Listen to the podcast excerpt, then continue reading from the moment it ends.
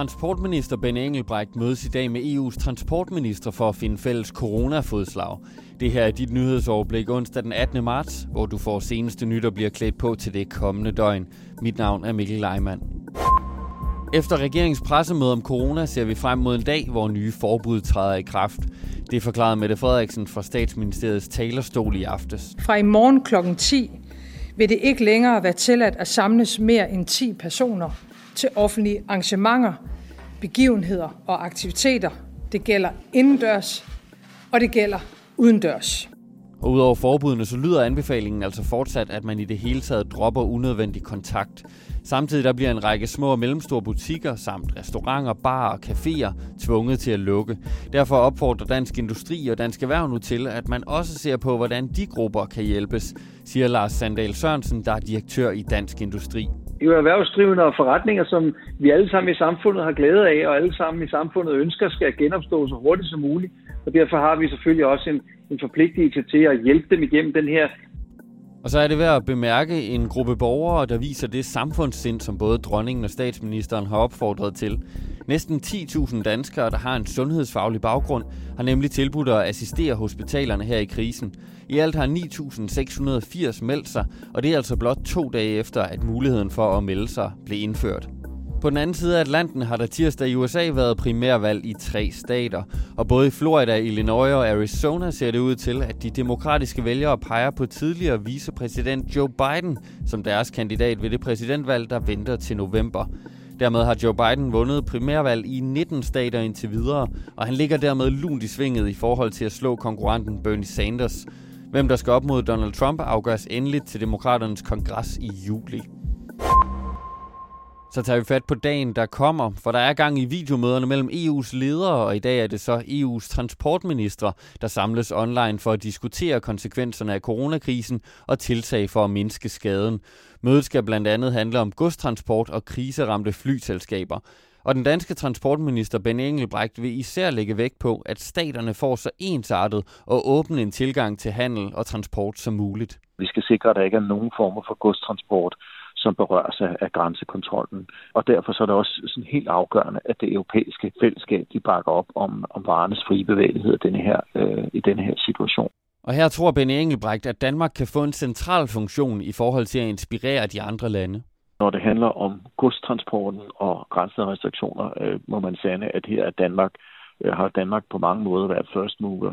Så når det handler om den del af det, så tror jeg, at det i høj grad er os, der kan bidrage øh, med, med vores viden og erfaringer et andet af hovedpunkterne er udfordringerne i luftfartsbranchen, der mere eller mindre er gået i stå som følge af mindsket rejseaktivitet og lukkede grænser.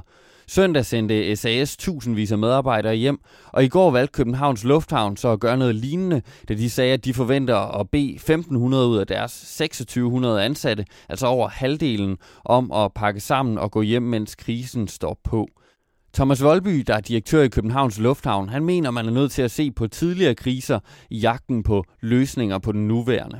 Hvis man ser tilbage i historien, det var under askeskyen og også under omstændigheden omkring 9-11, der kiggede man på forskellige støtteordninger, som dækkede nogle af de omkostninger, som virksomhederne sidder med. Og det synes vi jo vil være fornuftigt at kigge på i sådan i den store øh, samfundssammenhæng. En form for krisehåndtering fandt sted allerede tirsdag aften, da regeringen og deres svenske kolleger så kom med en garanti på godt 2 milliarder kroner til SAS. Alligevel slår transportminister Ben Engelbrecht fast, at et ministermøde også skal bruges til at sikre, at der ikke sker en for stor konkurrenceforvidning, fordi nogle stater hjælper deres egne selskaber mere end andre. Vi skal sikre os, at det vi gør er proportionelt og hænger sammen med, hvad man i øvrigt gør. Altså sådan, så der ikke er nogen lande, der går i en ekstrem retning med statsstøtte, og andre, der måtte vælge at gå i den modsatte retning og slet ikke støtte. Både SAS og Københavns Lufthavn er også omfattet af den lønkompensation til ansatte, regeringen har indført, hvilket altså mindsker skaden for landets hovedlufthavn og landets største flyselskab. Mens EM i går blev udskudt til næste år, blæser spørgsmålet om sommerens OL i Japan stadig i vinden. Indtil videre så kører man på som planlagt. Det var den overordnede melding, da IOC, den internationale olympiske komité, tirsdag tog fat på to dage med krisemøder, hvor de enkelte lande kan komme med kommentarer og spørgsmål. I dag deltager Danmarks Idrætsforbund, og selvom direktør Morten Mølholm glæder sig til at få mere at vide om OL-planlægningen, så forventer han ikke, at der forløbig kommer nogen endelig afklaring på, om lejene gennemføres. Jeg tror, at vi får en briefing om, at man fortsat regner med, at det skal afholdes. Så får vi sikkert også en briefing på, at man i øjeblikket gør alt, hvad man kan for at få stablet nogle nye kvalifikationsstævner på benene. Der er jo en masse ting, der er blevet aflyst og bliver aflyst i den kommende tid. Idrætsforbundets direktør kan godt se for sig, at det bliver nødvendigt at udskyde OL til 2021 på samme måde som EM i fodbold. Men der er grund til at bevare håbet, siger han, hvis man ser på nogle af de praktiske forskelle. EM i fodbold afvikles dels halvanden måned før OL, øh, og så afvikles EM i 12 forskellige lande, øh, herunder med åbningskamp i Rom.